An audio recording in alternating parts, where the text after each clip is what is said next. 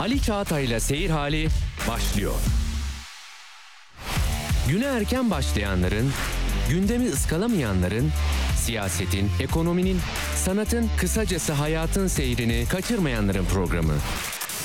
Ali Çağatay'la Seyir Hali hafta içi her sabah 7'den 9'a Radyo Sputnik'te. Radyo Sputnik'te seyir halindesiniz. İstanbul 97.8, Ankara 96.2, İzmir 91.0, Bursa 101.4 ve Kocaeli 90.2 frekansından bizi dinleyebilirsiniz.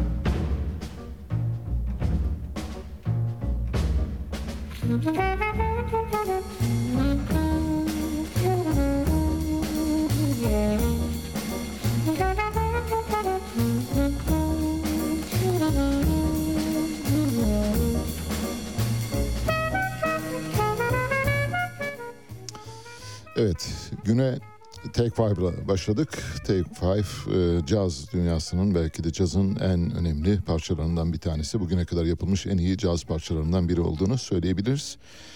David Brubeck orkestrası seslendiriyor bildiğiniz gibi e, Take Five'ı. Take Five, herkes Take Five'da herhalde birinciliği saksofona verir ama ben birinciliği Orada bateriye veriyorum. Baterinin o vuruşları olağanüstü. Gerçekten baterinin uyumu müthiş. Şarkıya belki de parçaya en büyük özelliği kazandıran o.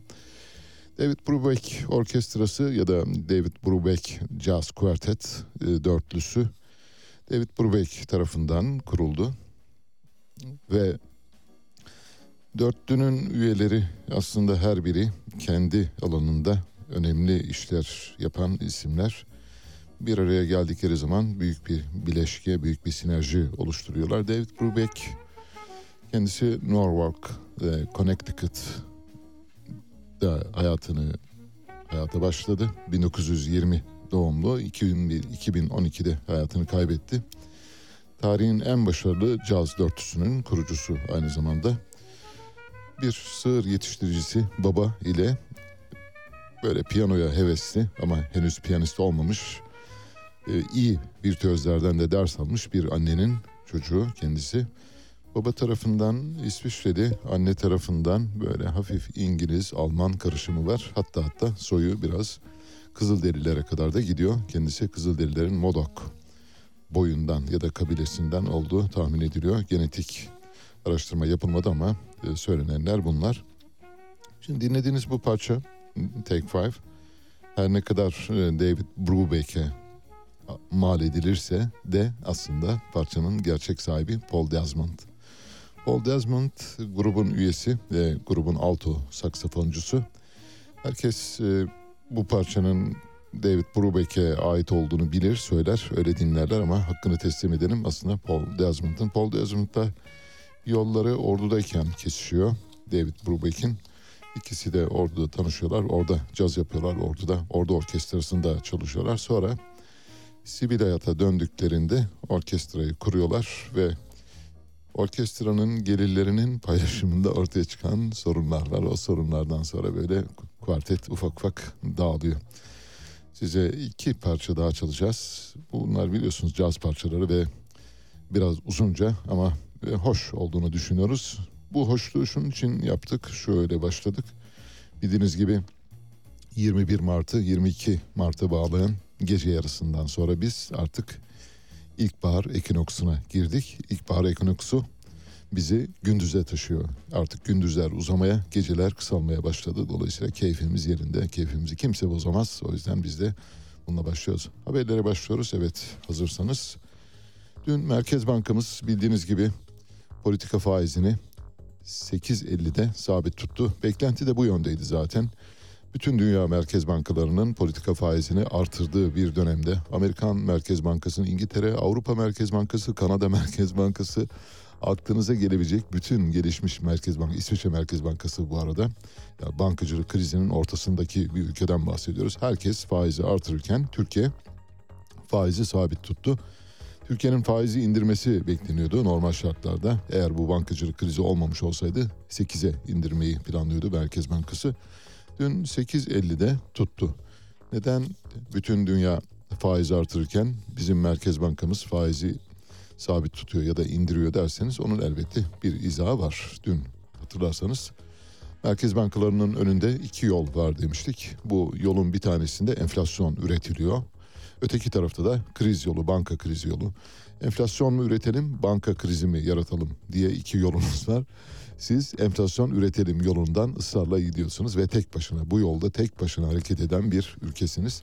Diğer ülkelerin tamamı şu anda bankacılık kriziyle baş etmek için acaba ne yapabiliriz diye bir çare üretmeye çalışırken şimdilik faizleri ilerletip yükseltip ileride küçük parasal sıkılaştırmalara gideceklerini tahmin ediyoruz. Bunlardan bir tanesi İngiltere Merkez Bankası. İngiltere Merkez Bankası 11. kez üst üste faiz artışı yaptı ve faizleri %4.25 seviyesine çekti. İngiltere için çok yüksek bir faiz oranı bu. Ve banka bu faiz artışını yaparken enflasyonist gelişmeleri öne çıkardığını söyledi. Biraz önce söylediğimiz gibi iki yol var önümüzde. Bir tanesi enflasyon üreteceğiz, öteki de bankaları koruyacağız. Bankaları sonra koruruz. Önemli olan enflasyonu önlemek. Enflasyonu önlediğimiz takdirde her şeyi başarabiliriz dedi. Amerikan Merkez Bankası Başkanı Jerome Powell da faiz açıklaması yaptı ve gerekirse yine faizi artırırız dedi. Ve böylece faiz faslını kapatmış oluyoruz. Bütün dünya ülkeleri gelişmiş, gelişmekte olan hatta piyasa ekonomisi olmayan ülkelerde bile faiz artışı yapılırken Türkiye Cumhuriyet Merkez Bankası faizleri indirmeye devam ediyor. Bu ayrı bir tercih, apayrı bir tercih. Bildiğiniz gibi heterodoks ekonomi politikalarından epistemolojik kopuşu temsil eden bir ekonomi yönetimimiz var. Ekonomi yönetiminin yediği yani yoğurt yeme biçimine karışmıyoruz ama birlikte göreceğiz seçimden sonra 14 Mayıs'tan sonra ister bu iktidar kalsın ister gitsin bu politikalar değişecek çünkü bunların geçici, arızi ya da bir duruma özgü bir ekonomi politikası olduğunu biliyoruz. Bu ekonomi politikaları sadece bankacılık sistemimizi sağlama almaya yönelikti. Şu anda bankacılık sistemimiz sağlam ama Avrupa'dan ve Amerika'dan yeni bir bankacılık krizi geliyor. Bu kriz bizi altına alır mı almaz mı onu da göreceğiz. Yılın en sıcak kışını geçiriyoruz. Daha doğrusu son yılların en sıcak kışı. Son 60 yılın en sıcak kışlarından biri şu anda dünya meteorolojik ortalamalarına göre. Dün bildiğiniz gibi 22 Mart e, Dünya Su Günü'ydü. Dünya Su Günü'nde Bursa Valisi bir müjde verdi. Bursa Valisi Yakup Can Polat kentteki barajlarda 80 günlük ihtiyacı karşılayacak rezervin bulunduğunu açıklıyor. Ne zaman açıklıyor? Su gününde açıklıyor. Müjde verir gibi. Herhalde şöyle oluyor muhtemelen su gününde vali bey 80 günlük suyumuz kaldı deyince yanındaki muhtemelen işte yancısı her kimse vali bey bir dakika bir yanlışlık yapıyorsunuz galiba falan. Ne gibi? E bugün su günü hani müjde vereceksiniz ya bunu keşke söylemeseydiniz. Ha, hay Allah ya tüh yanlış güne mi denk geldi? Neyse e, oldu bir defa artık geri dönüşü yok. Böylesi günde işte bunlar aymazlıklar. Su gününde suyumuzun kalmadığı müjdesini veren valilerimiz var. Son 63 yılın en düşük yağışları var bu arada. Meteorolojinin bir tahmini var elimizde. Meteoroloji 2023'ü El Nino yılı olarak yaşayacağımızı bildiriyor. El Nino yılı bildiğiniz gibi kasırgaların, fırtınaların yoğunlaştığı ve tropik kasırgaların ortaya çıktığı yıllara verilen genel bir ad. Normal şartlarda bir kasırganın adıydı ancak sonradan bu literatüre El Nino yılları olarak girdi. 2023 El Nino yılı olarak biliniyor. El Nino yılları sıcak geçiyor. Dolayısıyla önümüzdeki yazın, bu yazın çok sıcak olmasını beklemeliyiz. 2022'de nispeten sıcaklıklar önceki yıllara göre daha düşüktü. Ama 2023 yılında daha sıcak bir dönem bizi bekliyor. El Nino yıllarında yağışlarda az da olsa artış görülüyor. Şimdi ben de buradan Vali Bey gibi müjdemi vereyim. Yağışlarda az da olsa artış oluyor ve arada bir de seller oluyor. Dolayısıyla kendimizi sellere karşı da korumalıyız. Bir atama kararı var, görevden alma kararı daha doğrusu. Hala işin içinden çıkabilmiş değilim. Epey bir araştırdım, baktım. Neden olduğunu anlayamadık. Cumhurbaşkanı Erdoğan'a çok yakın ve AK Parti'ye de çok yakın olan bir aile var biliyorsunuz. Kavakçı ailesi. Kabakçı ailesinin e, büyük ferdi Merve, e, büyük fertlerinden Merve Safa Kabakçı. Dışişleri Bakanlığı'nda 7 ay önce politika danışma kurulu üyeliğine atanmıştı Cumhurbaşkanı tarafından. Dün görevden alındı. Resmi gazetede yayımlanan kararla Dışişleri Bakanlığı Dış Politika Danışma Kurulu üyeleri Merve Safa Kabakçı ve Süleyman Gökçe 3 sayılı Cumhurbaşkanlığı kararnamesinin ikinci maddesi gereğince görevden alınmıştır diyor. Kararı çözemedim. Çözebilmiş olsaydım size detaylarını verebilirdim. O yüzden de üzerinde spekülasyon yapmıyoruz ama bu karar kıyametten bir gün öncesini işaret ediyor olabilir mi bilmiyoruz. Ne olduğunu bilemedik ama bildiğiniz gibi Kavakçı ailesinin bütün fertleri kadın erkek çoluk çocuk demeden hepsi Cumhurbaşkanı'nın çok yakınında konumlanmış durumdalar. Birisi tercümanlığını yapıyor, öteki başka bir işini yürütüyor. Pek çoğu danışmanlık e, işi yapıyor ve büyük paralar kazanıyorlar. Yani kamudan aldıkları paralardan bahsediyoruz elbette. Böylesi bir dönemde görevden alınması manidar. Milletvekili olabileceğine dair iddialar var. Ancak milletvekili olacaksa kendisi istifa eder. Dolayısıyla buna gerek kalmaz. Ama görevden alma kararı biraz böyle kafaları karıştırıcı. Sebebini bilemediğimiz için burada kesiyoruz. Resmi gazetede bir ithalat kısıtlaması haberleri dizisi yayınlandı. Ticaret Bakanlığı çok sayıda üründe ek ithalat vergisi getirileceğini açıkladı. Kararlar e, kısa bir zaman sonra hayata geçirilecek.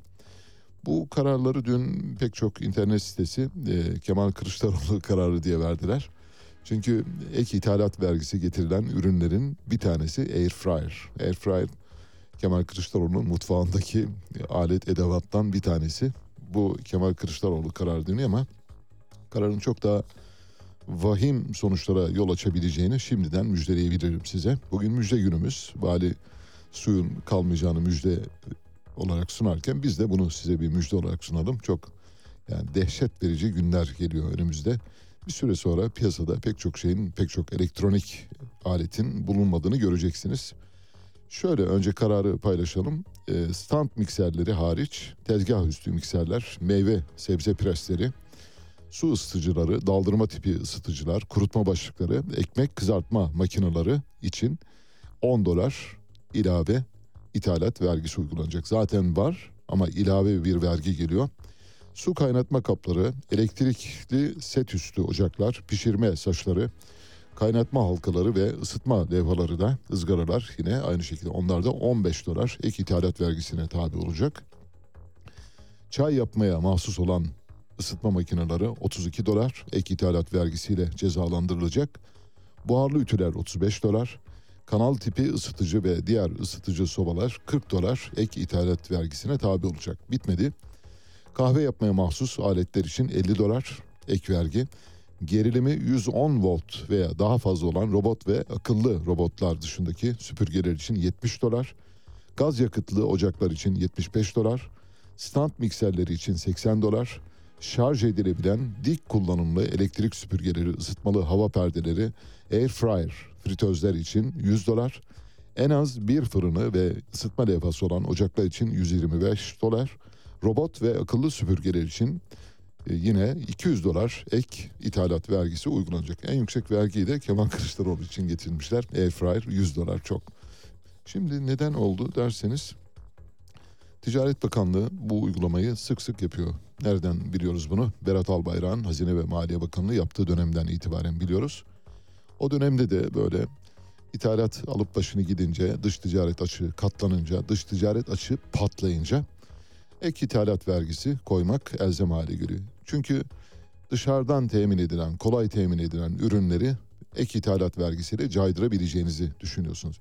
Peki içeride üretilmeyen ürünler var. Örneğin içeride üretilmeyen ürünlerde acaba bu kapsamlı mı? Şimdi şu saydığım listede Türkiye'de üretilmeyen, yeterince üretilmeyen ya da kaliteli üretilmeyen çok sayıda ürün var. Piyasayı hem kalitesiz ürünlere mahkum edeceksiniz hem de ek ithalat vergisi koyacaksınız. Kaliteli almak isteyenleri, yurt dışından almak isteyenleri cezalandıracaksınız. Ticaretin serbestisi ilkelerine aykırı bir defa. Geçmişte bir örnek var. O örneği hatırlatayım.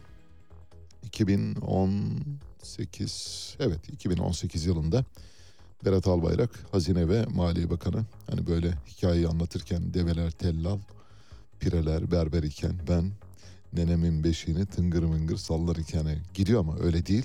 Ama hakikaten olayı oraya doğru çeksek de kimse yadırgamaz. Şöylesi kararlar çıktı o dönemde.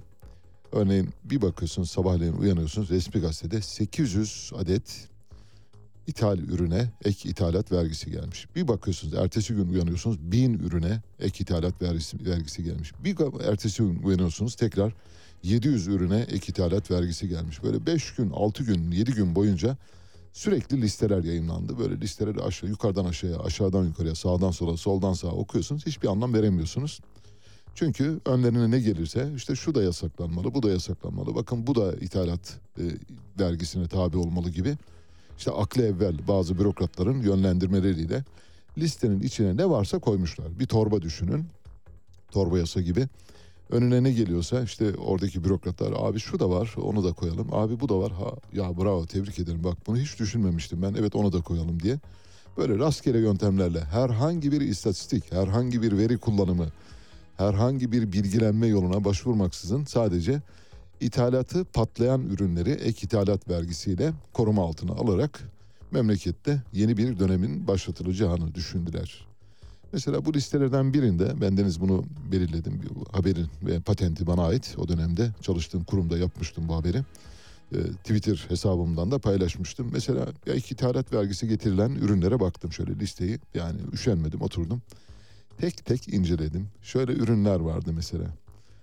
Örneğin Hindistan bizonu, boynuzu ek ithalat vergisi kapsamına alınmıştı. Yani Hindistan bizonu getiremeyeceksiniz. Bizon boynuzları getiremeyeceksiniz. Başka neye ek ithalat vergisi gelmişti? Mesela kokonat kabuğuna ek ithalat vergisi gelmişti. Hindistan cevizi. Başka neye gelmişti? Kauçuk ağacının lifine ek ithalat vergisi gelmişti. Böyle bunun gibi aşağı yukarı yüze yakın ürün saptadım. Türkiye'de olmayan, muadili olmayan, Türkiye'de üretilmesi herhangi bir şekilde mümkün olmayacak ürünlerin. Şimdi Hindistan bizonu üretilebilir mi? Yok Hindistan'da var sadece. Peki boynuzu e, orada. Boynuz da orada duruyor. Hindistan madem Hindistan'da yaşıyor. Boynuzu da Hindistan'da. Kokonat var mı? Bizde yok. E, peki niye ek ithalat vergisi koyuyorsunuz? Öyle abi işte listeye baktık. Bunların hepsi çok patlamış bu ürünlerin ithalatı. Buna engel olmamız lazım. Böylesi absürt, anlamsız, herhangi bir bilimsel temele ya da veriye dayanmayan ek ithalat vergileri getirmişti. Şu andaki bu listenin de aşağı yukarı böyle bir liste olduğunu tahmin ediyorum. Hani böyle abi sende ne var? Ee, bende de e, 1110 volt e, buharlı ütü var. Ha o, da mı çok e, ithal ediliyor? Evet evet abi o da çok. Peki onu da koyalım böyle. Herkes torbaya bir şey atmış ortaya böyle bir şey çıkmış. Karar ne diye geçiyor? Kemal Kılıçdaroğlu kararı. Air fryer kararı. Peki böylece bürokrasimizin iş yapma biçimini de özetlemiş olduk. Avrupa Birliği iltica rakamlarını açıkladı. Avrupa Birliği iltica rakamlarında, iltica verilerinde Türkiye bir basamak gerileyerek dördüncü sıraya geldi. Türkiye'den Avrupa Birliği'ne yapılan iltica başvurularında Suriye birinci sırada, Afganistan iki, Venezuela üç, dördüncü sırada Türkiye var. Ve Türkiye'nin bu iltica başvurularındaki giderek artan talebinin altında yatanları tahmin edebiliyorsun. Türkiye'deki hayat koşulları giderek zorlaşıyor. Türkiye daha az yaşanır bir ülke haline geliyor. Maalesef herkes sabah yatıp akşam e, akşam yatıp sabah kalktığında başına neler geleceğini bilemiyor.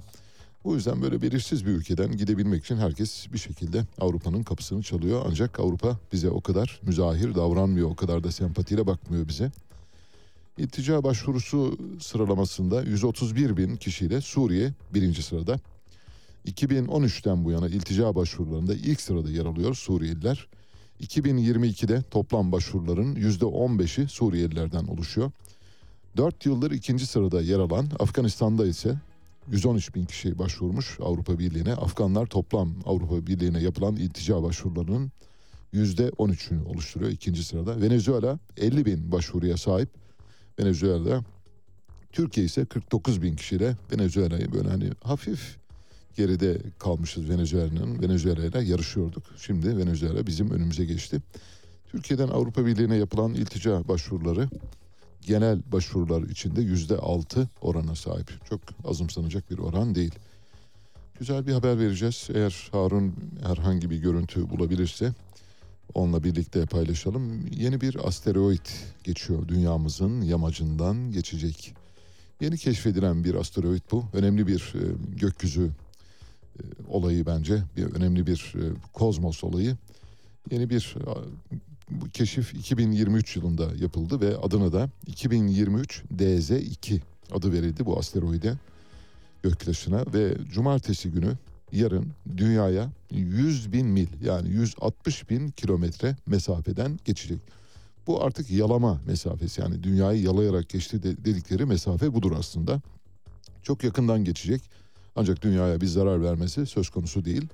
NASA Gezegen Savunma Koordinasyon Ofisi NASA'nın gerçek zamanlı izleme aracına göre yaklaşık 55 metre çapında olan asteroid saniyede sıkı durun burada saniyede 36 kilometre hızla hareket ediyor. Hani kaza bir yere çarpsa önünde hiçbir şey kalmaz. Yani dünyaya Allah muhafaza dünyaya çarpmış olsa dünyanın üçte birine sıyırıp götürebilecek durumda o kadar.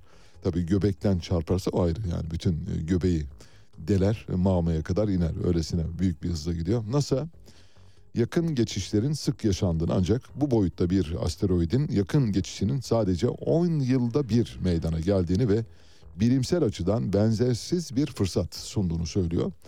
NASA Uluslararası Asteroid Uyarı Ağı'ndaki gökbilimciler yakın geçişi gözlemleyerek gezegen savunması hakkında daha fazla bilgi edinilebileceğini söyletti. Şimdi biz burada tabii kime başvuracağız? Egecim kim acaba bu konuyla ilgili? Türkiye'de aklına kim geliyor? Gökbilimi, uzay, asteroidler, göktaşları falan diye aklına gelen biri var mı? Yok. Benim aklıma gelen biri var. Ahmet Maranki.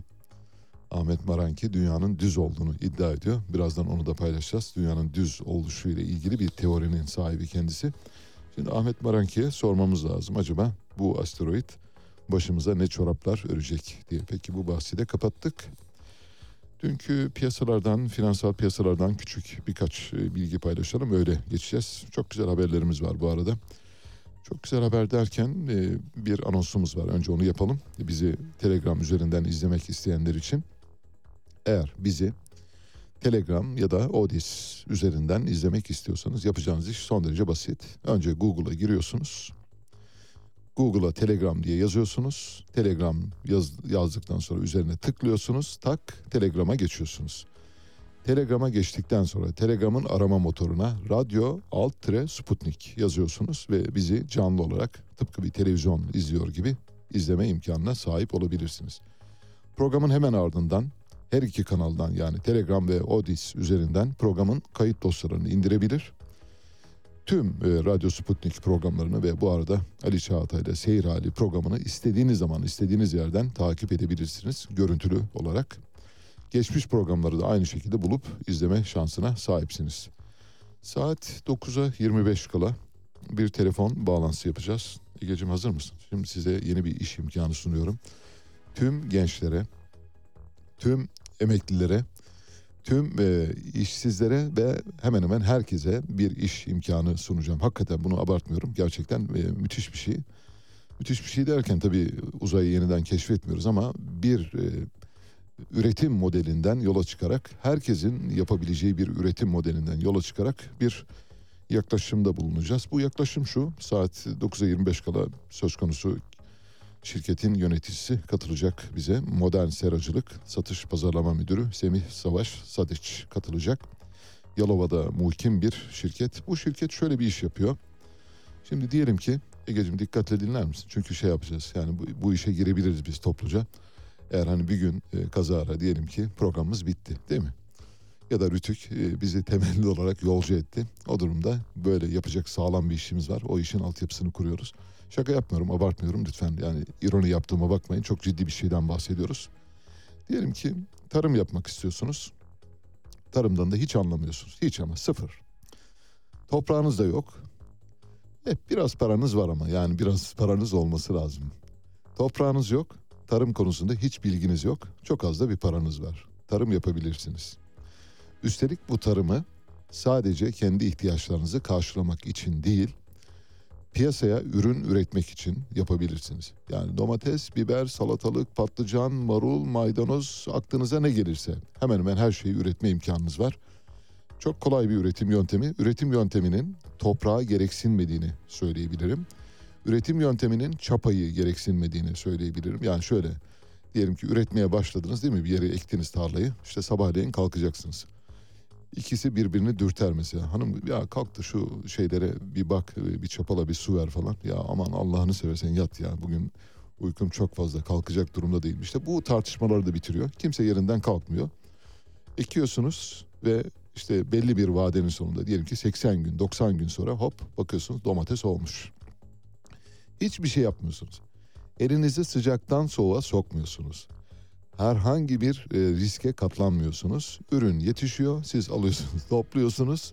Sepetlere koyuyorsunuz, yiyorsunuz. Fazlasını da götürüp satıyorsunuz. Böyle çok mucizevi gibi gelebilir ama yöntemi biraz sonra konuştuğumuz zaman anlayacaksınız ki herkesin yapabileceği, herkese iş imkanı yaratabileceğimiz bir durumdan bahsediyoruz. Teknolojik bir şey çok e, şey değil, bilinmeyen bir şey değil ama Türkiye'de fazla uygulanmıyor. Şimdi Yalova'da bu işi merkezileştirmiş ve Türkiye'nin pek çok bölgesine yaymak üzere e, kurulan bir şirket bize bunun altyapısıyla ilgili bilgileri verecek.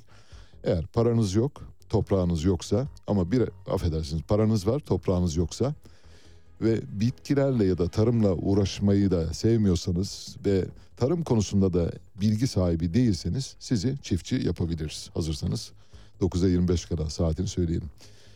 Dün Borsa İstanbul 5061 puandan kapattı. Bildiğiniz gibi 5000'in üzerine çıkması için olağanüstü bir çaba sarf ediliyor. 5000'in altına aman ha çocuklar inmesin. Aman inmesin. Bak borsa 5000'in altına inerse canınızı okurum falan diyen böyle insanlar var muhtemelen. Borsa İstanbul'la ilgilenen e, yöneticiler arasında. İşte o yüzden Borsa İstanbul 5000'in üzerinde kapanışlar yapıyor. Muhtemelen 14 Mayıs'a kadar da bu çizgiyi sürdürecekler.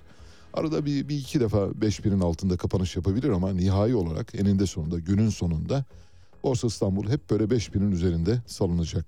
Çünkü varlık fonu devreye giriyor. Borsadaki düşüşleri önlüyor. Alım yapıyor. Hisse senedi alım yapıyor ve dün de bunu yaptılar. 5060 puandan kapattılar. Bir önceki gün 5001 puandan kapatabildi biliyor musunuz? 5001 hani böyle zorladı zorladı zorladı sonuna geldi. Abi çıkmıyor ya ya hay Allah ya ne yapsak falan. En sonunda 6'ya 10 geçe baktık. Tak 5001. Eh rahatladık. Gösterge de orada yeşile döndü. Herkes rahatladı. Borsayı böyle idare ediyoruz. Kuru nasıl idare ediyoruz? Kuru idare edemiyoruz maalesef. Kurda 19.05'teyiz. Dolar 19.05'i gördü. Oradan da yukarı doğru yolculuğunu sürdürecek. Yani bundan bir iki hafta kadar önce dolardaki neydi? Seviye 18. 18, 18 aralıydı. 18.50, 18.55, 18.85 aralıydı. Orayı geçtik artık bir daha oraya dönmüyor, dönmek istemiyor. 19'un üzerindeyiz. Yukarı doğru yolculuk sürecek. Seçime kadar 20 olabilir mi? Olabilir. Euro'da da benzeri bir durum var. Euro'da 20.83 liradan güne başladı. Euro'da da artık yeni normal 20'nin üzeri 21'i yakında görecek. Evet yavaş yavaş böyle küçük birkaç politik haber vereceğiz. Egeciğim heyecanlı mısın tarım projesi konusunda? Yani ben de yapmak isterim der misin? Tarıma meraklısın. Tamam o zaman paran da paran var mı bir miktar? Çok az. Birkaç yüz bin lira fazla değil birkaç yüz bin. Peki olsun tamam onu da temin ederiz krediyle. Krediyle çözüyoruz. Peki paranız var ya da yok paranız olmasa kredi var. Tarım konusunda hiç bilginiz yok sıfır bilgiye sahipsiniz. Hiç toprağınız yok tarım yapabilirsiniz. Üstelik de sadece kendi geçiminizi temin etmek için değil aynı zamanda ticaret yapmak yani sebze meyve ticaretine katılabilirsiniz. Kemal Kılıçdaroğlu dün Sinan Ateş'in eşi Ayşe Ateş'i kabul etti. Bir fotoğraf var Harun paylaşacak çok güzel bir fotoğraf. Bu arada Kemal Kılıçdaroğlu'nun odası iyi döşenmiş ben çok beğendim. İlk defa görüyorum. Hiç gitmedim. Böyle yerlere gitmem ben. Böyle yerler beni basar. Bana çok şey gelir. Böyle hani devlet ve devlet geleneğinin olduğu yerler var ya böyle nasıl nefret ederim nefret ederim o kadar öyle söyleyeyim. Hani hiç böyle hani beni ya işim bitse de bir gitsem. Mesela tapuya giderim değil mi? Diyelim herhangi bir sebeple. Ya da notere giderim. İçimden hep böyle dua ederim. Allah'ım ne olur işimi çabuk bitir bir an önce gideyim. Hani pahası neyse öder öyle giderim mesela kuyrukta beklerken bana deseler ki Abi kuyruğun önüne geçmek için 200 lira fazladan verir misin? Hemen veririm hemen. Böyle gözümü kapar veririm giderim yani. Bir, oradan bir an önce sıyrılmak için. Fakat Kemal Kılıçdaroğlu'nun odası böyle hani devlet ciddiyetinin dışında insanda böyle bir hafif sanatsal bir zevkle düşenmiş bir yer havası da yaratıyor. Çok güzel bir halı var yerde. Çok ama muhteşem.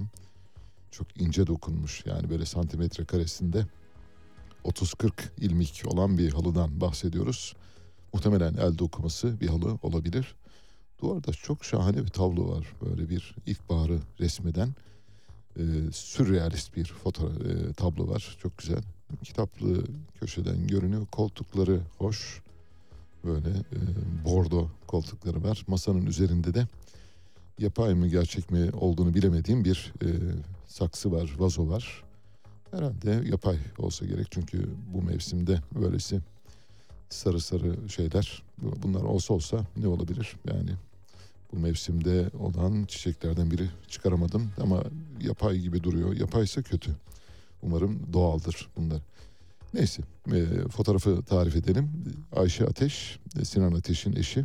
E, kendisi tesettürlü bir hanımefendi. Kemal Kılıçdaroğlu da karşısında oturmuş e, tekli koltuğa. Ama çok e, edepli oturuyor Kemal Bey. Yani böyle ayak ayak üstüne atmak, kaykılmak, sağa sola yamulmak falan yok böyle. Çok düzgün bir şekilde bir dinleme modunda yani sizi dinliyorum ve dinlemek istiyorum modunda. Şöyle diyor Kemal Kılıçdaroğlu. Allah bana ömür verdiği sürece onu yanı başımdan ayırmayacağım. Ayşe Ateş'ten bahsediyor. Benim yol arkadaşımdır. Sinan Ateş'in hesabını beraber soracağız diyor. İşte Milliyetçi Hareket Partisi'nin sahip çıkmadığı Sinan Ateş'in eşine sahip çıkan Kemal Kılıçdaroğlu'ndan bahsediyoruz.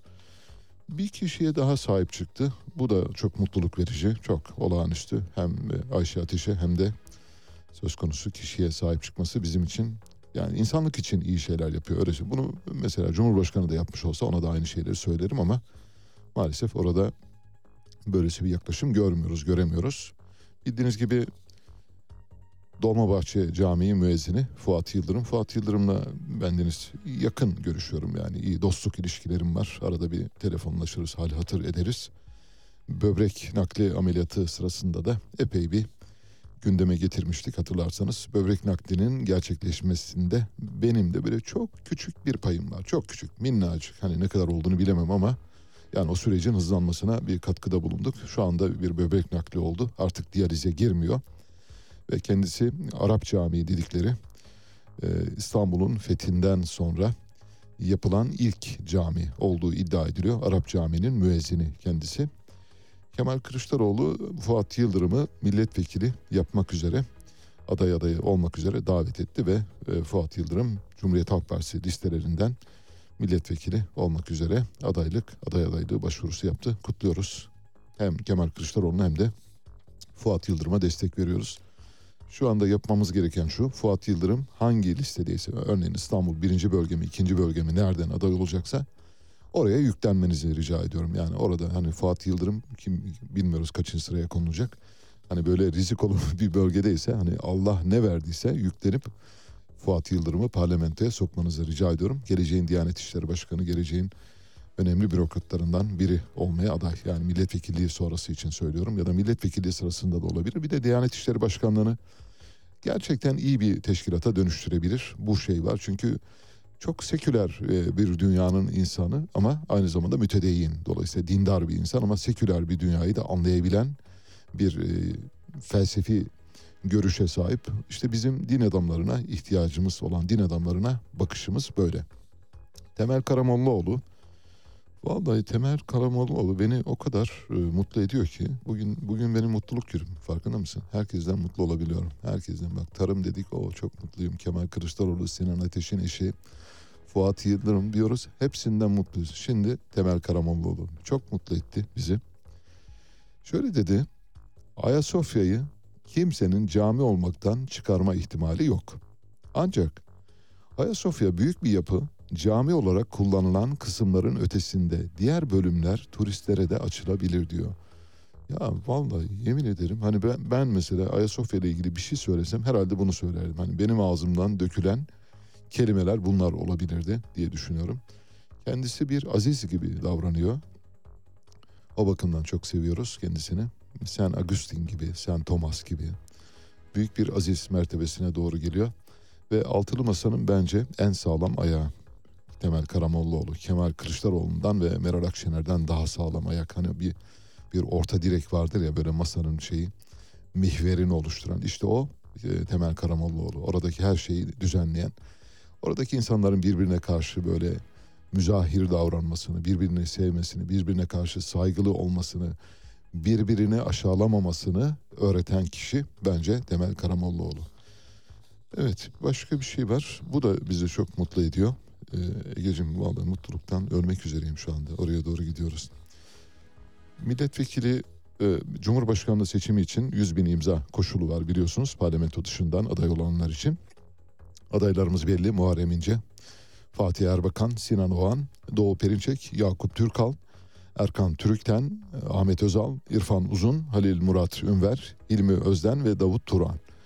Bu adayların şu anda imza sıralamasını 27 Mart'a kadar vereceğiz biliyorsunuz. 27 Mart akşamına kadar imza süresi devam ediyor. Ve imza gününün sonuçlanmasına kadar biz bu tabloyu sizinle paylaşacağız. Her gün böyle biraz şey gibi bir, bir maç e, sonucu yayımlar gibi her gün anlatmaya çalışacağız. Muharrem İnce dün itibariyle 51 bin imzaya ulaştı. Yani alması gereken imzanın yarısına ulaştı iki günün sonunda. Fatih Erbakan 46 bin imzaya ulaştı hemen ensesinde Muharrem İnce'nin.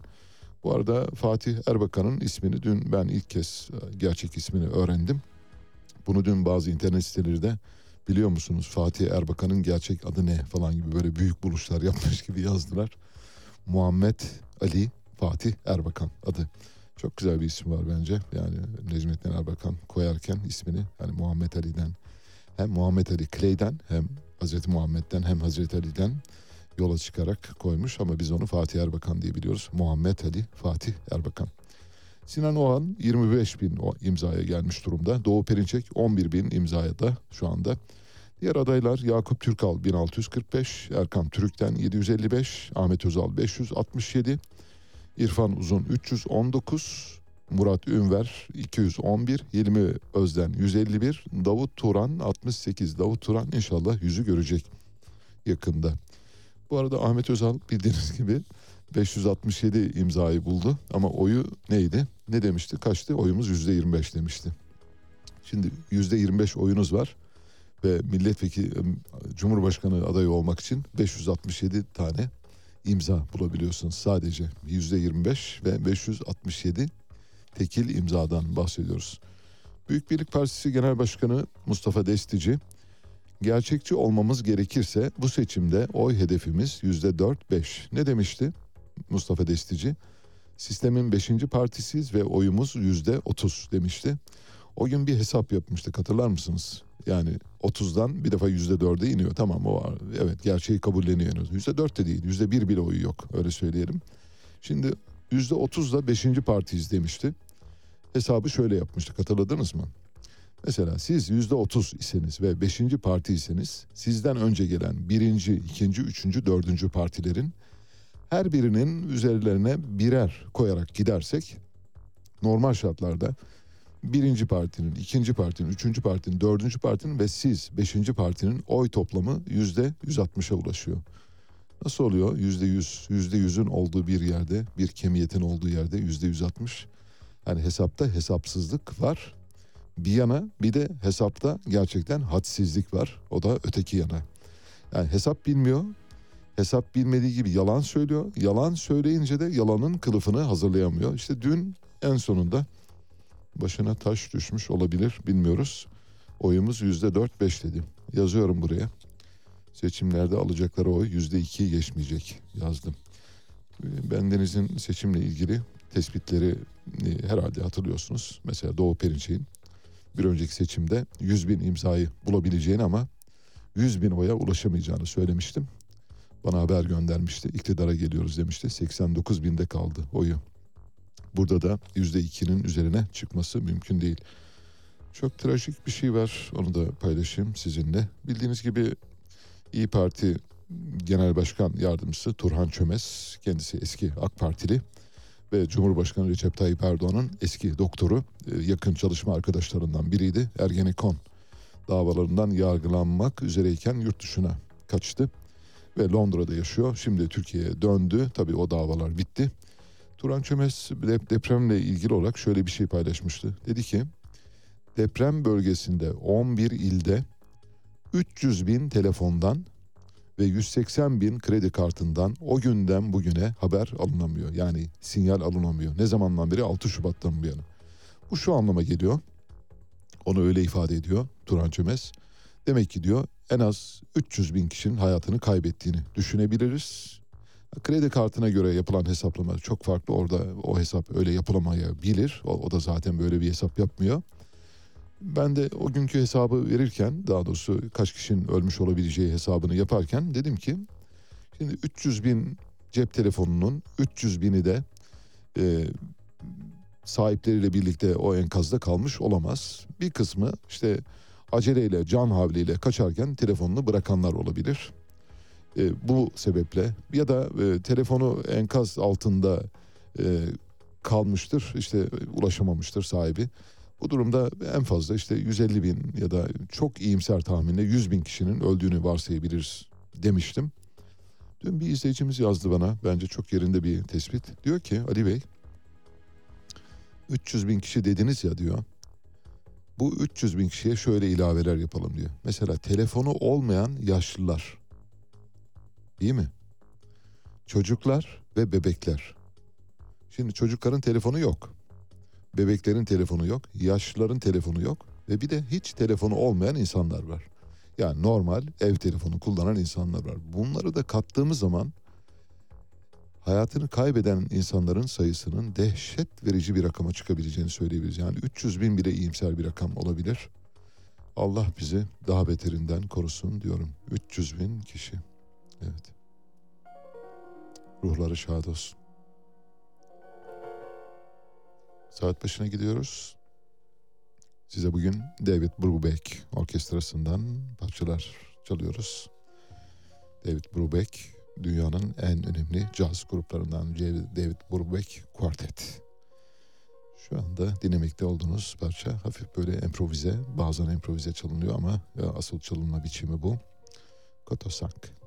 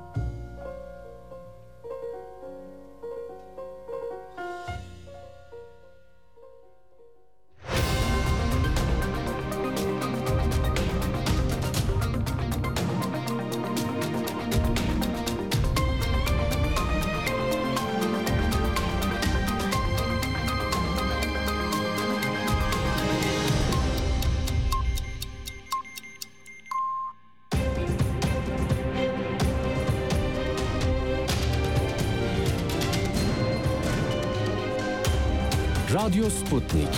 Anlatılmayanları anlatıyoruz.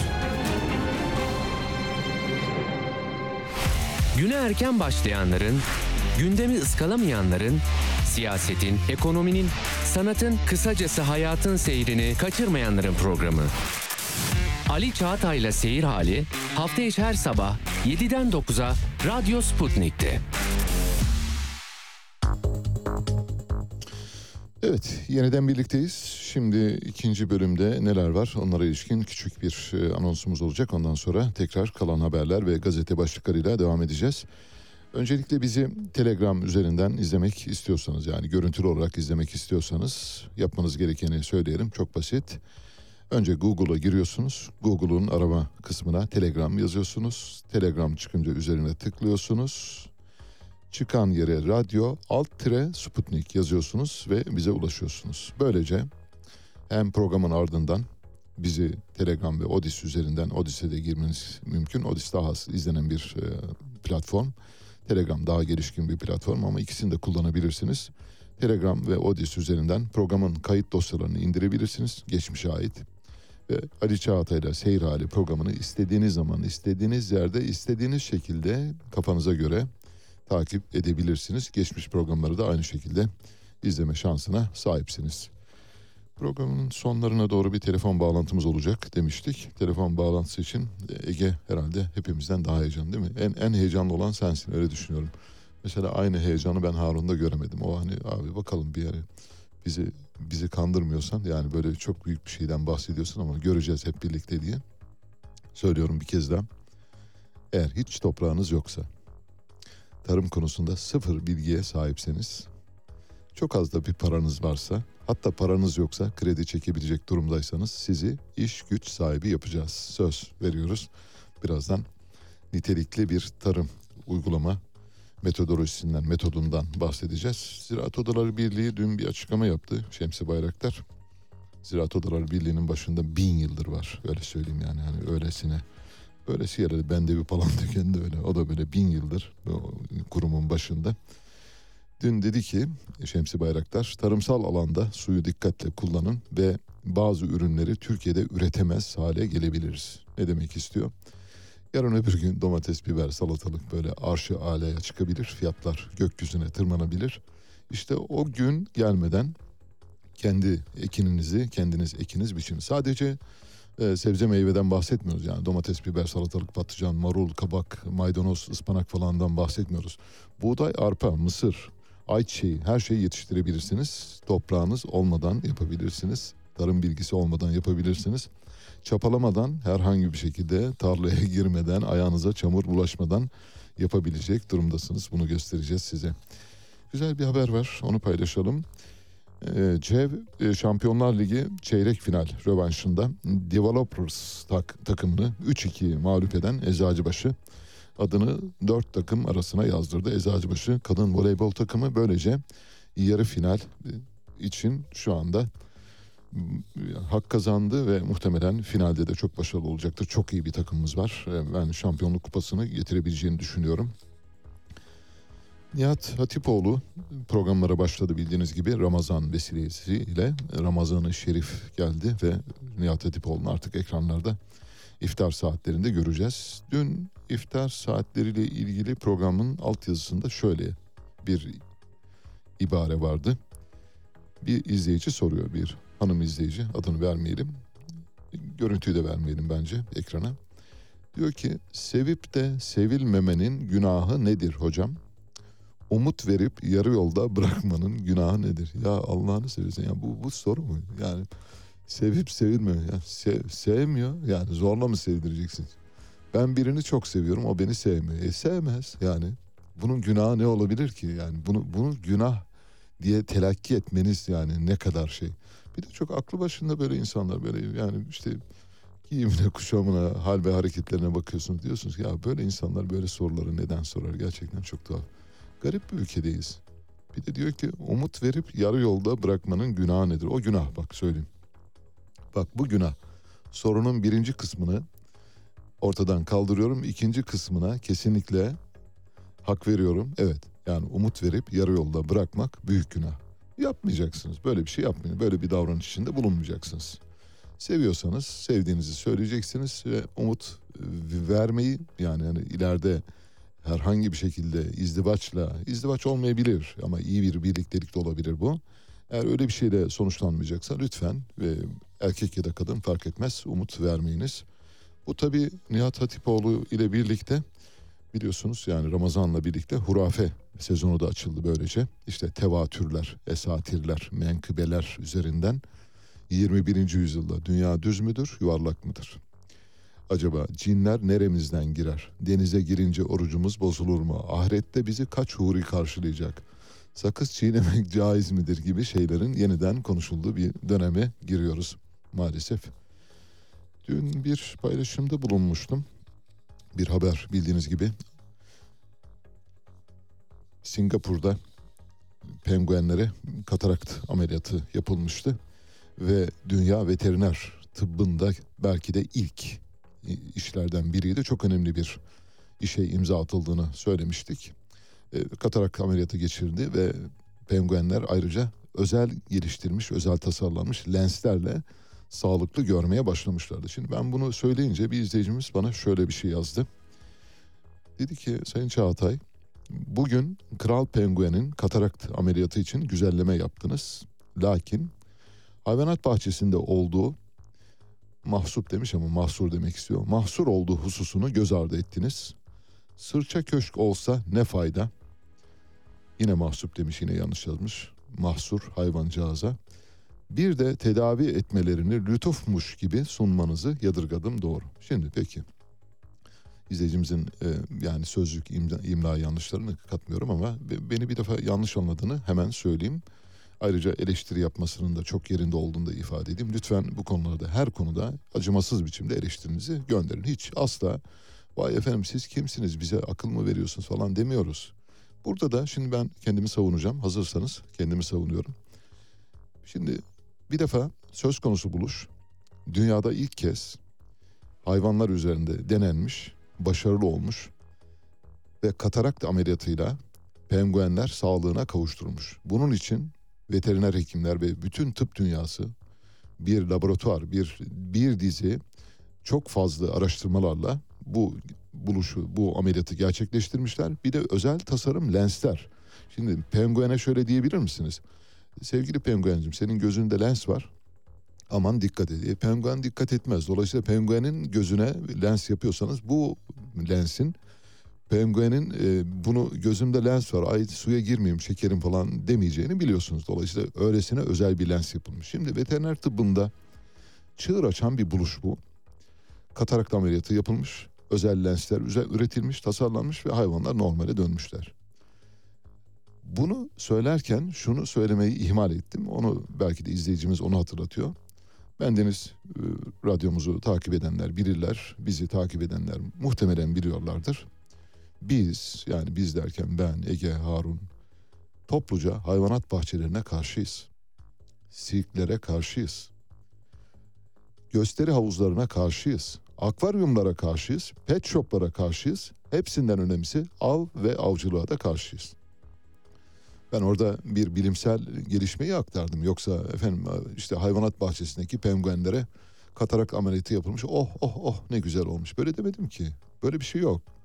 Sadece bir bilimsel buluşun ne kadar önemli olduğunu. Hayvanların orada kalmasını ben de istemem ama oradalar ne yapalım yani? Hani şimdi gidip de hayvanat bahçesini mi basalım? Singapur'a kadar. Kaç para bilet? Singapur'a gidelim. Gidip basalım yani hani ne yapın ne yapılması gerekiyorsa yapacağız yani. Bilet fiyatından ucuz bilet bulun gidelim. Topluca üçümüz beraber basacağız hayvanat bahçesine. Neyse ironi yapıyorum ama kusura bakmayın.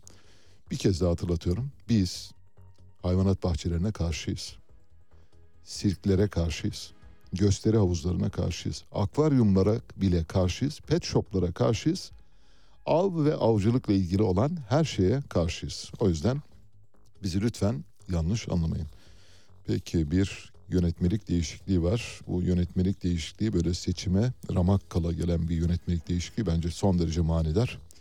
Tasarruf mevduatı sigorta fonu alacaklarının takip ve tahsiline ilişkin esas ve usuller hakkında yönetmelikte değişiklik yapılmasına dair yönetmelik. Böyle bu ağdalı sözcüklerde maşallah yani işte yönetmeliğin değiştirilmesine dair yönetmelik değişikliğinin yayımına dair karar falan diye hiç anlamayacağınız bir şey.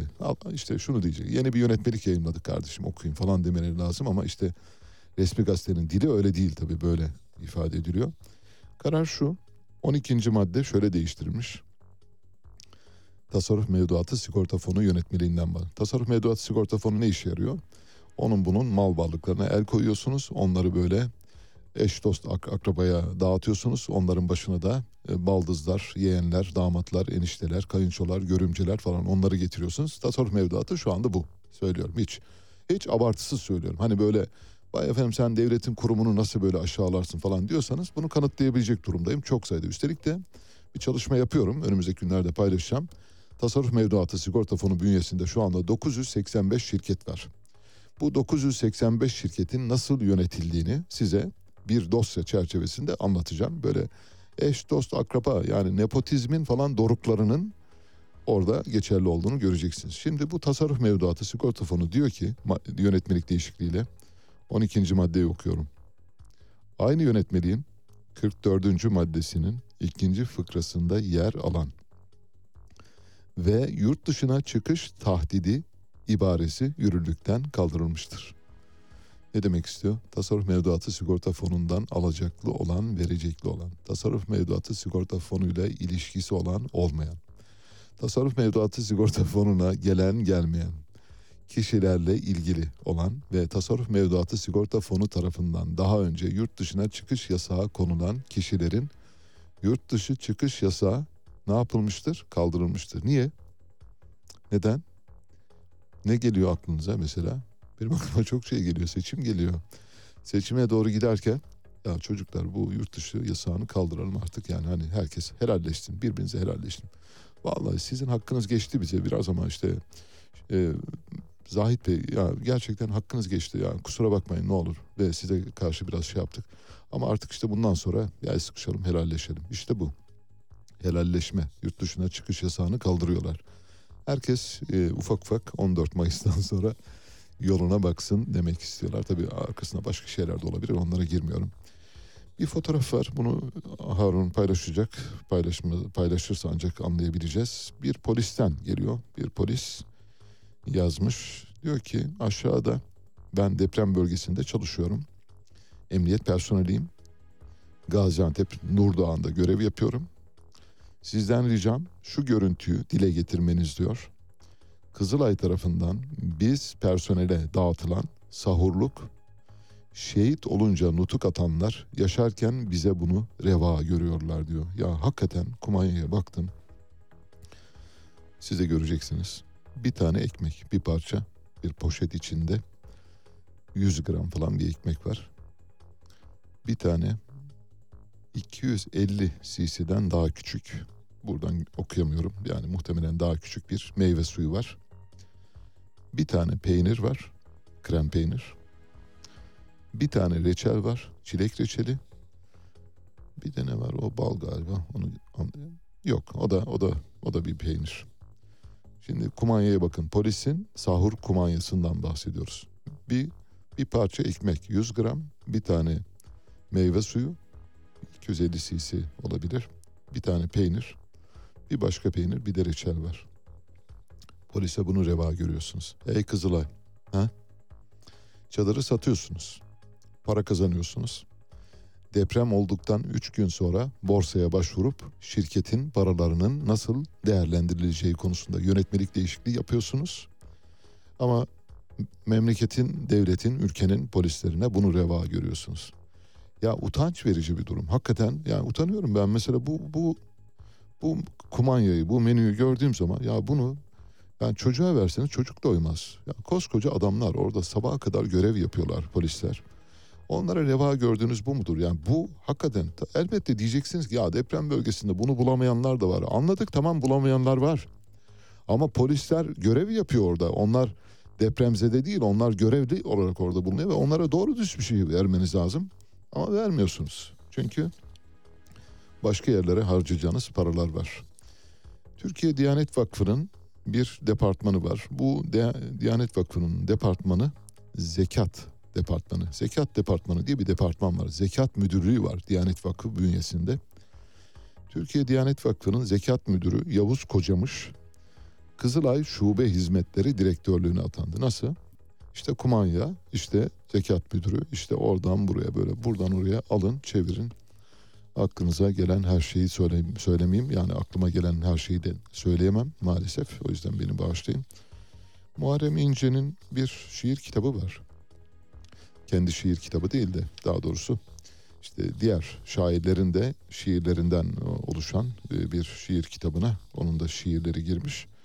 Bu şiirlerinden bir tanesi Kadın Kokusu adını taşıyor. Şiir kitabının adı Tatanka. Tatanka'nın ne olduğunu da söyleyeceğim size.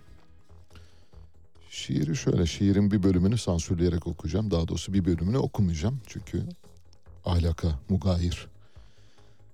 Senin ellerin kadın kokuyor. Toprak kokuyor tenin. Gözlerin ömrümün yarısı. Ve sen tanıyamadım birinin karısı. Tapduk emri, çözüm üret. Fizikçilik kar etmiyor. Şiirler, dostlarım, duygularıma yetmiyor. Son dörtlü okumuyorum.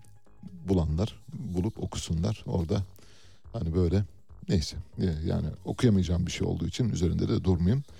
Kendisi bildiğiniz gibi fizik öğretmeni.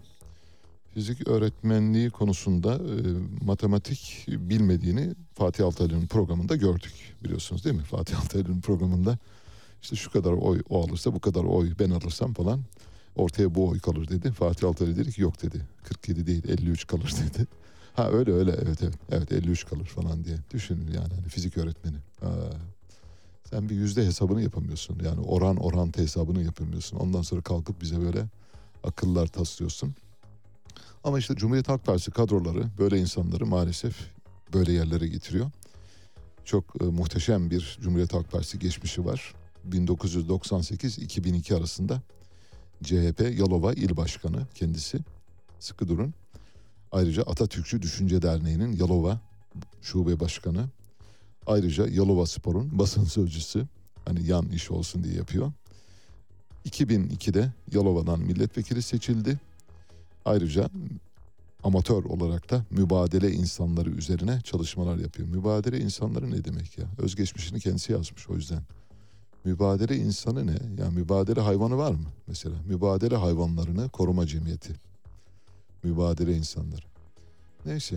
Üstelik şair. Hani bir şairin mesela özgeçmişini böylesi berbat, böylesi kullanılamaz kelimelerle yazması zaten söz konusu olamaz. Bence şairliği de e, biraz şey, biraz su götürür bir şairliği var.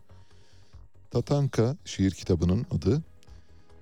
Kendisi bu şiirini, söz konusu biraz önce okuduğum şiiri, Büyük Millet Meclisi bir kitap yayımladı. Şair milletvekilleri. O kitapta Muharrem İnce'nin de üç şiiri yer aldı.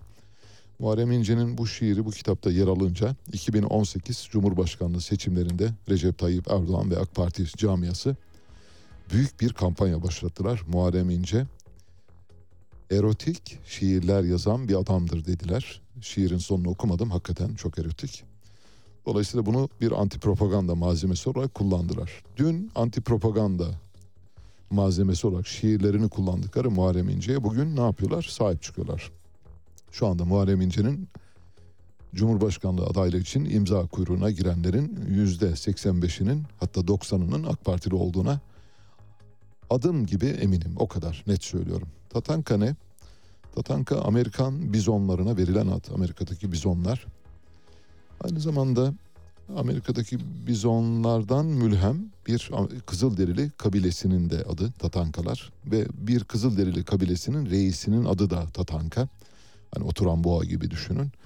Meşhur bu Kevin Costner'la Mary McDonnell'ın oynadığı Kurtlarla Dans filminde bir Kızılderili reisi var. Onun da adı Tatanka. Ve Muharrem İnce'nin şimdi ne kadar özensiz bir kişi olduğuna yani söylemleri bakımından özensiz kişilik olarak değil söylemleri bakımından ne kadar özensiz bir kişi olduğunu size kanıtlayacak bir başka örnek vereceğim. Candaş Tolga Işık'a gazeteci Can, Candaş Tolga Işık'a yönelik bir tweet atmış. Şöyle diyor. Şimdi ben size bütün hikayeyi anlatacağım. Arkasından neden özensiz davrandığını da söyleyeceğim. Bu açıklama hakkında gelen sorulara toplu cevap vermem gerekirse Kemal Bey benimle görüşmek isterse elbette görüşürüm. Kendisi benim gibi benim eski genel başkanım ve ağabeyimdir. Söyleyeceklerini dinlerim dedim. Görüyorum ki sözlerim sözünden çıkmam gibi tuhaf bir manaya çekiliyor. Gazeteci dostumuz sağ olsun düzeltti ama ben de buradan tekrar düzeltmiş olayım. Ayrıca söylememe gerek yok. Ben başka bir siyasi partinin genel başkanıyım ve cumhurbaşkanı adayıyım. Allah'ın izniyle planladığımız şekilde ve sürede imzalarımızı toplayıp yolumuza devam edeceğiz. Bu süreçte bütün adaylarla olduğu gibi Kemal Kılıçdaroğlu'yla da görüşeceğim. Görüşecek olmam adaylığımı pazarlık konusu yapacağım anlamına gelmez. Ne demek istiyor? Görüşürüm ama adaylıktan çekilmem diyor. Kemal Bey ağabeyimdir falan diyor ama adaylıktan çekilmem diyor. Burada üzerinde duracağım şu. Şimdi bir gazeteciye demeç veriyorsunuz ve gazeteci bu sizin yanlış anlaşılmalara müsait olan şeyinizi düzeltiyor.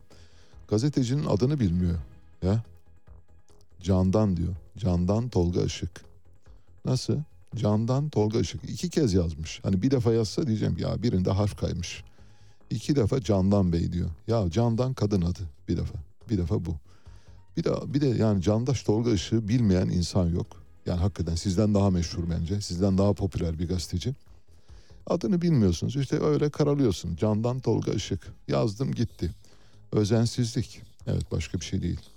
Şair, fizikçi, hesap bilmeyen fizikçi, şiir bilmeyen şair ve isim bilmeyen politikacıdan bahsediyoruz. Bir küçük araya gidelim sonra bir tweet paylaşacağım sizinle. Ben Ali Çağatay, Radyo Sputnik'te seyir halindesiniz. Müthiş bir Kuzuların Sessizliği filmi oynanıyor şu anda maalesef. Kimsenin sesini çıkarmadığını görüyoruz. Bu devletin kadim devlet, bani devlet, baba devlet olması ilkesiyle bağdaşmıyor. Habercilik birilerinin verilmesini istemediği olayları açıklamak ve kamuoyuyla paylaşmaktır. Bu kapsamın dışında kalan olayları vermek habercilik değil, halkla ilişkiler faaliyetidir. George Orwell Ali Çağatay'la Seyir Hali hafta içi her sabah 7 ile 9 arasında Radyo Sputnik'te. Evet, e, Telegram hesaplarınızı kurun. Telegram hesaplarınızı kurdurursanız sizi birazdan e, paranız olmasa da, toprağınız olmasa da, toprak ve tarım konusunda bilginiz olmasa da bir üretici, tarım yapan bir insana dönüştüreceğiz. E, Muharrem İnce'nin söylediği gibi söylemek istemiyorum. Mübadele insanları falan gibi değil ama gerçekten bir e, kurumsal e, bir iş yapmak istiyorsanız bunun yolunu göstereceğiz. Ben Deniz'in bir tweet'i var. E, son tweet'im merak edenler bakabilirler. E, önemli bir haber paylaştım. Haberin patenti ve telifi bendenize ait. Şöyle dedim haberde. 17-25 Aralık sonrası görevden alınan bakanlardan biri evine yalnızca bankalarca hazine odası olarak kullanılan dev bir çelik kasa yaptırdı. 2,5 çarpı 2,5 çarpı 2,75 metre boyutlarındaki bu çelik kasayı yaptıran bakan hangisi sizce? diye soruyorum. Egemen Bağış, Muammer Güler, Zafer Çağlayan, Erdoğan Bayraktar diye yazdım. Şu ana kadar 175 bin görüntülenme aldı. Epey bir iyi görüntülenme sayılabilir. Yani benim kendi ortalamalarımın bakımından e, yüksek bir görüntülenme olduğunu söyleyebilirim. Eğer merak ediyorsanız siz de e, anketvari bir şey yürütüyorum. Katılabilirsiniz. Yani şey için yapmıyorum. Sakın öyle düşünmeyin. Hani böyle takipçi kastırmak gibi öyle bir niyetim yok. Öyle öyle bir şeyin öylesi çocukça oyunların peşinde olmam, olmadım. Merak edenler bakabilir. Bence e, son yılların en önemli haberlerinden bir tanesi. Bir, bu oda ne kadardır? Söyleyeyim mesela. Şöyle bir bakıyorum. Dörde altı. Altı kere dört, yirmi dört. Yirmi dört metrekarelik bir odadayım şu anda. Bu odanın yarısına yakın büyüklükte bir kasadan bahsediyoruz. Bir kez daha söylüyorum. 24 metrekarelik bir odadayım ben bu odanın yarısına yakın büyüklükte bir çelik kasadan bahsediyoruz. Bir bakanın evinde. Şimdi ben bunu yazdım. Şöyle şeyler yazdılar. Abi bizi niye merakta bırakıyorsun? E merakta bırakmıyorum. Hayır işte dört tane bakanın adını yazıyorum. Neden adına takılıyorsunuz ki? Bu odanın yarısı büyüklüğünde bir çelik kasayı evinde inşa ettiren, yaptıran bir kişinin ne kadar parası vardır acaba? Ne kadar parası var ki böyle bir kasaya ihtiyaç hissediyor? Ne kadar külçe altını vardır? Sonra şöyle şeyler, sallıyorsun abi falan diyenler oldu. Abi bu kadar da olmaz ki yok canım falan. Oha e, çok özür dilerim pardon bunu kullanmamam lazımdı diyenler oldu. Ya kasanın boyutlarını veriyorum ya ebatlarını. Kasanın ebatlarını yazıyorum. iki buçuk çarpı iki buçuk çarpı iki yetmiş beş. Kasanın ebatlarını veriyorum. İçindeki parayı bilmiyorum bir tek. Yani kasanın içindeki parayı bilmiyorum. Bunun dışında her şeyi biliyorum. Ne zaman yapıldı, nasıl yapıldı, niye yapıldı, neden yapıldı, nasıl yapıldı falan bütün aşamasını biliyorum. Kim olduğunu biliyorum.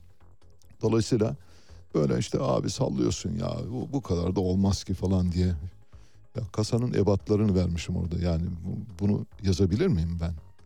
Yarın öbür gün mesela dava açıldığı zaman bana dava açtıkları zaman çıkıp mahkemede bunu nasıl savunacağım? İşte elimdeki kanıtlarla savunacağım. Kanıtlar ve tanıklarla savunabilecek durumdayım. Merak edenler bakabilirler. Böylece bu bahsi de kapatıyorum. Bir bilimsel buluş var.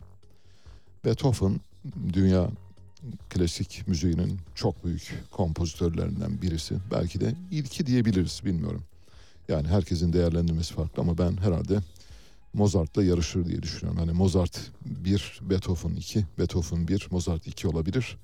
O tamamen e, zevkinize bağlı. E, telefonumuzu yok daha erken affedersin. Daha var. E, e, tam evet tam 9'a 25 kala bağlarsak olur.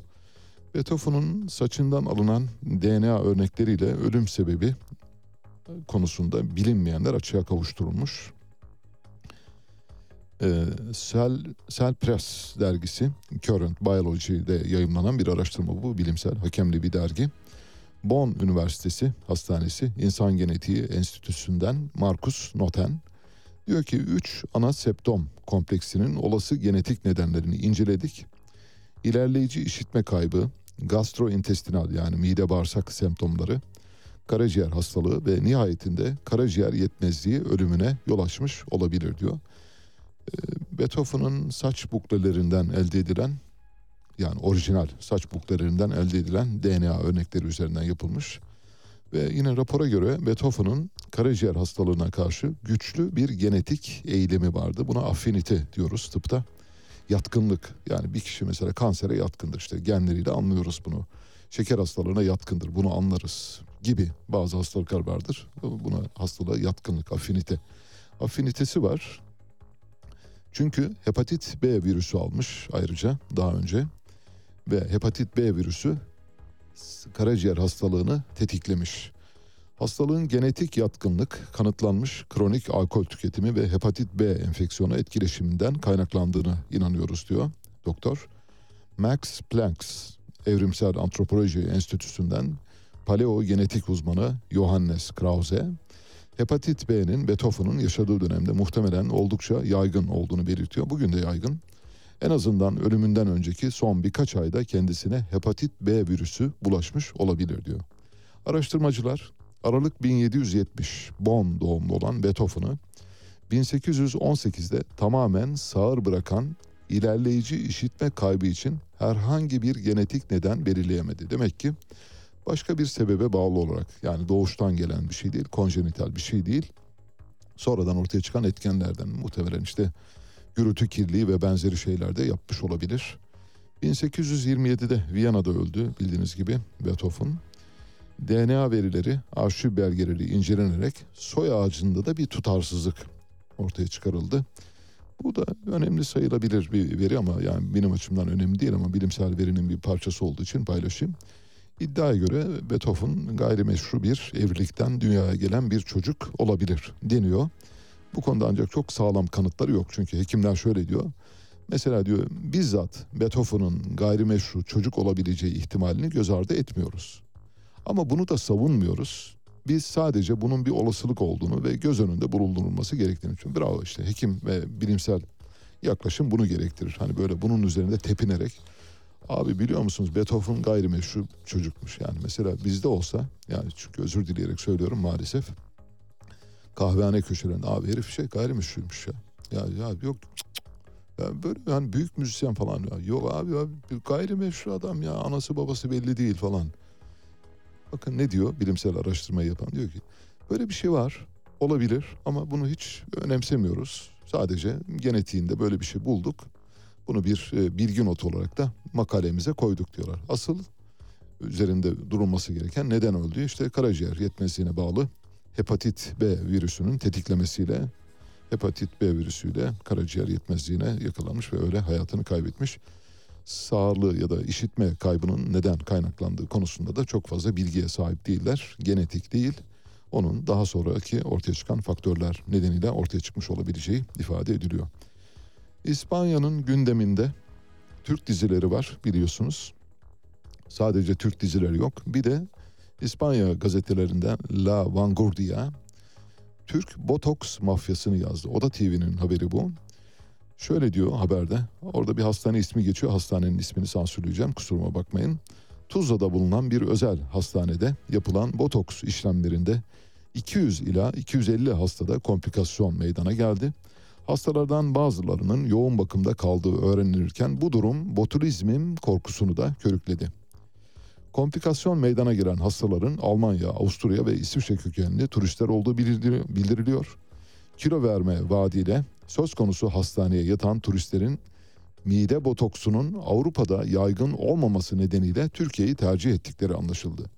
Türk kökenli bir Alman yaşadıklarını şöyle anlattı. Ertesi gün Hamburg'a döndüm. Üç gün sonra bulanık görmeye başladım. Çay içmemi söylediler. Daha sonra botoksun vücuduma dağıldığını ifade ettiler. O zamanlar için yemek yiyemiyordum. 32 yerine 82 yaşındaymışım gibi kendimi güçsüz hissediyordum. Buradaki hastanede botulizmden şüphelendiler ancak hangi toksin olduğunu ve nereye enjekte edildiğini bilmedikleri için nasıl tedavi edileceğini bilemiyorlardı. Türkiye'deki botoks sektöründe çalışan Latin Amerikalı Belinda isimli bir doktorsa botoks mafyasına değiniyor ve saç ekimi yapanların çoğu doktor değil diyor. Ben de biliyorum bunu evet saç ekimi yapanların yüzde 95'i doktor değil Türkiye'de. Kim tutturabilirse işte bir klinik açan bir merdiven altı klinik açan saç ekimi yapabiliyor. Yani işin ayağa düşmesinin ötesinde bir durumdan bahsediyoruz. Bir sosyolog da bu hastaneyle ilgili şöyle diyor. Botoks ve vajinoplastiye yöneldi bu hastane diyor. Vajinoplasti ameliyatı çok yaygın bildiğiniz gibi. Hastane bunlarla para kazanıyor. Peki botulizm nedir ya da botulismus dedikleri hastalık nedir? Botulismus insanların yaralarının üzerine gelen ya da yarayla bulaşık bir e, bakterinin adı. E, Clostridium botulismus. Clostridium botulismus bildiğim kadarıyla bir e, anaerobik e, bakteri olsa gerek. Yanılıyor olabilirim. Yani havasız koşullarda da yaşayabilen bir bakteri. Clostridium botulinum bir toksin üretiyor. Bu toksin zehirlenmeye yol açıyor. Çoğunlukla evde hazırlanmış, uygun şekilde sterilize edilmemiş konservelerde ürüyor. Evet, tamam anaerob bakteri, tamam kanıtladık. Bununla birlikte ameliyat işlemlerinde kullanılan malzemelerin yeterince sterilize edilememesi sonucu açık yaralarda enfeksiyona dönüşüyor. Gidiyorsunuz güzelleşmek istiyorsunuz değil mi? Sonra botulismus bakterisiyle tanışıyorsunuz. Sonra hayatınızı bile kaybedebiliyorsunuz. Türkiye'den bir hastaneden bahsediyor. Terra'nın kurucusu De Kwon dün tutuklandı. De Kwon bildiğiniz gibi dünyanın iflas eden en büyük kripto para platformlarından birinin sahibiydi. Nerede yakalanmış olabilir? Egecim var mı bir tahminin? Mesela bu The Kwon nerede yakalanmış olabilir? Bir ta. Tamam. Sesim gitti.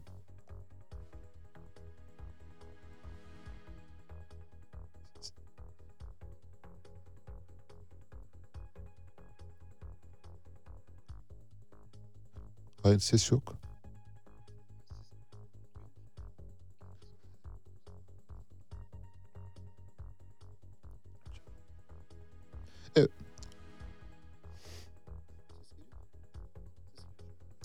Tamam. E, tamam sen devreden çıkarsan ben... Evet. Hayır sesim yok.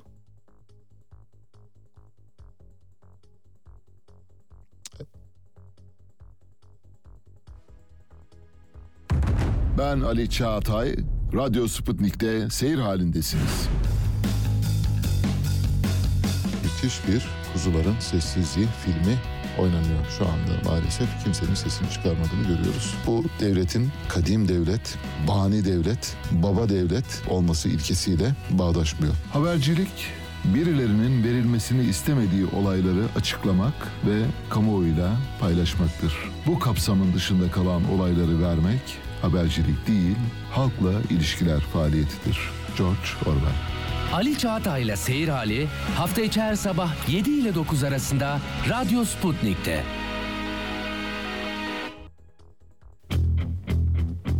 Zaten süreç Osman Kavala'nın tutukluluğunun sürdürülmesi üzerine kurulmuş. Aynen. Bu tutukluluk devam etmesi için hukuka karşı verilen bir mücadele haline girmiş durumda.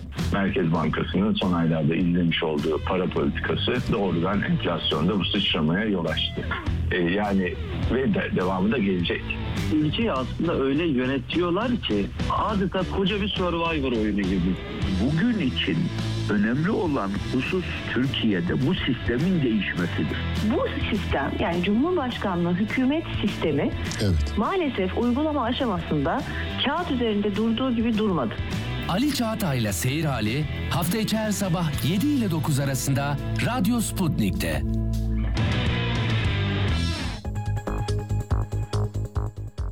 Evet. Hayır.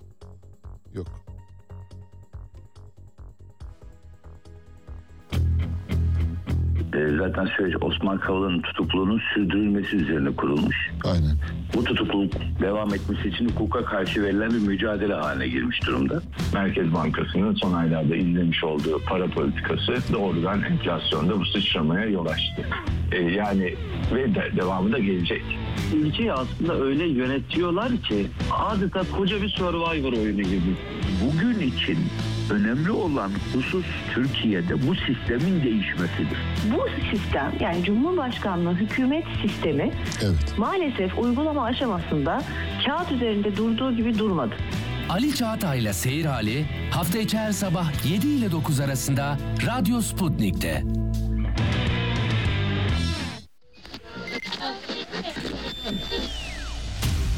Radyo Sputnik yeni yayın döneminde de dop dolu.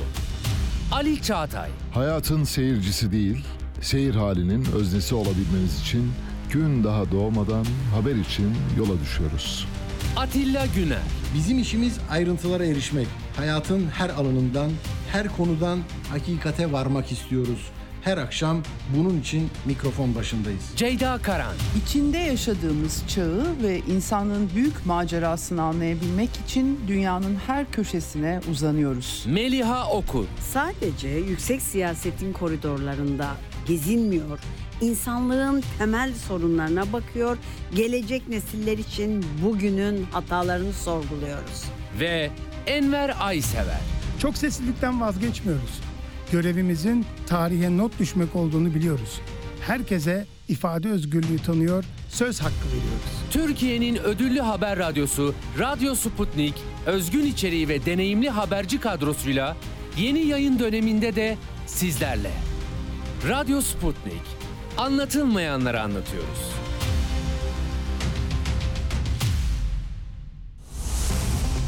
Radyo haberciliğinde bir klasik.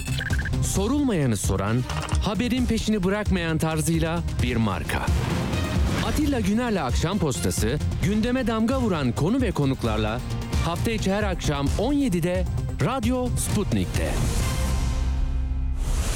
Radyo Sputnik 5 merkezden karasal yayında. İstanbul 97.8, Ankara 96.2, İzmir 91, Bursa 101.4, Kocaeli 90.2. Karasal yayınlarımızın olmadığı yerlerde tr.sputniknews.com adresinden iOS ya da Android mobil cihazınızdan Sputnik News uygulamasını indirerek dinleyebilirsiniz. Radyo Sputnik. Anlatılmayanları anlatıyoruz. Artık siz de haberin öznesisiniz. Tanık olduklarınızı, yaşadığınız sorunları bildirin, sesinizi kaydedin, gönderin. Telegram, Twitter, Facebook, Instagram. ve şimdi de WhatsApp'tayız.